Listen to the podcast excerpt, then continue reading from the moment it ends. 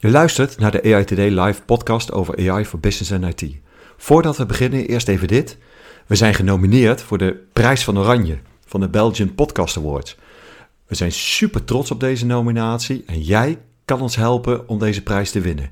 Luister je graag naar onze podcast? Stem dan via belgianpodcastawards.be. Alvast bedankt. Je luistert naar een nieuwe AI Today Live Short. Mijn naam is Joop Snijder, CTO bij Agency. En vandaag wil ik het hebben over DragGAN AI. Een nieuwe manier van fotobewerking. Sommigen zeggen, nou, misschien is Photoshop wel dood vanwege deze nieuwe manier van AI en fotobewerking. Laten we eens kijken of dat zo is. En eerst eens even induiken, wat is het? Hoe werkt het? En daarna zal ik aangeven wat ik ervan vind. Nou, Dragon is een nieuwe AI-app gemaakt door onder andere het Max Planck Instituut, waarmee je eenvoudig foto's kunt aanpassen door over de afbeelding te slepen. Zo simpel is het. Kijk, je klikt een punt aan op een gezicht en laat bijvoorbeeld het hoofd draaien. Of je laat bijvoorbeeld de persoon lachen. Als je op de mondhoeken klikt, kan je gewoon omhoog trekken en daarmee laat je de persoon lachen. Nou, dit soort aanpassingen kunnen ook met objecten zoals auto's om die te draaien.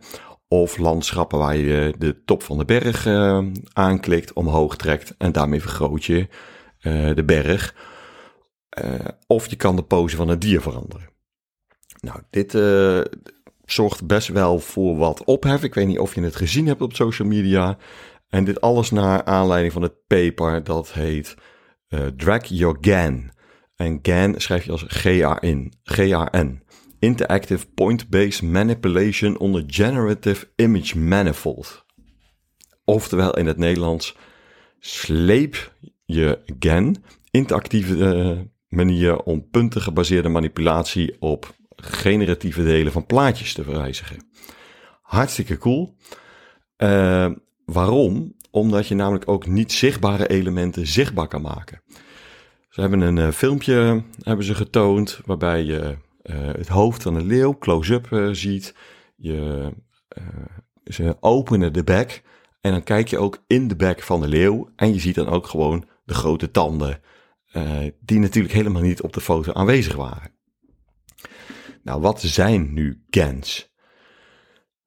Laten we het daarover hebben op een manier die gemakkelijk te begrijpen is. Stel je voor dat je van tekenen houdt en heel goed wilt worden in het tekenen van dieren. Maar soms loop je vast omdat je niet weet hoe je het dier, hoe het dier er precies uit kunt laten zien. Nou, zou het dan niet geweldig zijn als je een speciale vriend had die je kon helpen je tekeningen te verbeteren? Nou, daar komen GANs om de hoek kijken. GAN staat voor Generative Adversarial Network.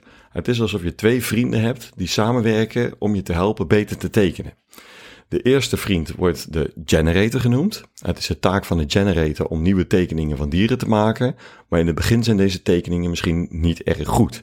Ze, zijn misschien helemaal, ze zien er misschien helemaal niet uit als echte dieren. Dat is oké, want de generator is net aan het leren. Hier komt de tweede vriend, de discriminator.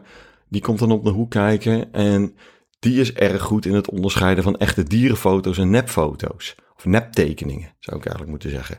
Dus de discriminator kijkt naar tekeningen van de generator, van de generator, en geeft feedback. Er staat, hmm, deze tekening ziet er wel niet nep uit. Probeer maar opnieuw.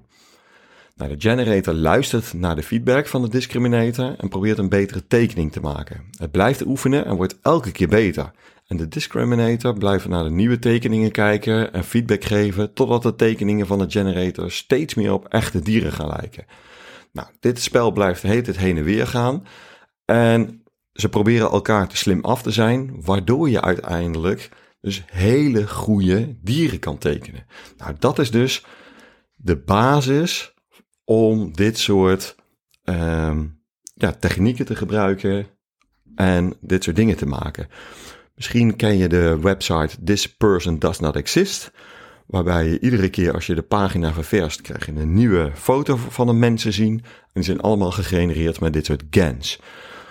dus de, eh, de, de, het model heeft geleerd om hele goede portretten te maken.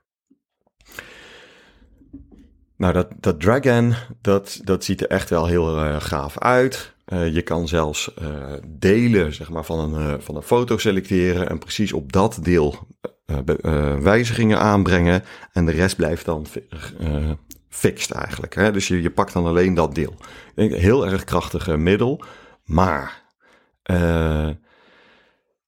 ze schrijven zelf in het paper, er zijn aardig wat limitaties en discussies. Ten eerste, het is nog een soort van web, web-app waarbij je dat voor jezelf je, je foto in kan geven. En hij werkt vooral heel goed op de data die in, in, uh, in de trainingsdata zit. Heb jij nou een foto waar ze helemaal niet op hebben getraind, op dat soort foto's, nou dan gaat hij helemaal de mist in en dan krijg je ook gewoon echt lelijke structuren erbij. Nou, als uh, discussie zeggen ze ook van ja, uh, moet je eens kijken. Je kan natuurlijk allerlei valse poses maken, uitdrukkingen vormen van mensen. En je moet dus wel strikt omgaan met persoonlijkheidsrechten en privacyregels respecteren. Nou, in mijn beleving is het vooral nog een paper met gave video's die de mogelijkheden demonstreren van deze techniek. Dus nog geen applicatie die, we, die je echt kan proberen. Photoshop dood, Zeker niet. Sterker nog, lijkt me eerder dat ze, gaan, dat ze dit gaan integreren bij Photoshop als het goed genoeg werkt. Uh, Photoshop kent al neural filters die al dan niet goed werken en die ze in preview uitproberen. Dus je stap naar kunnen en naar een werkend product is denk ik nog best wel groot.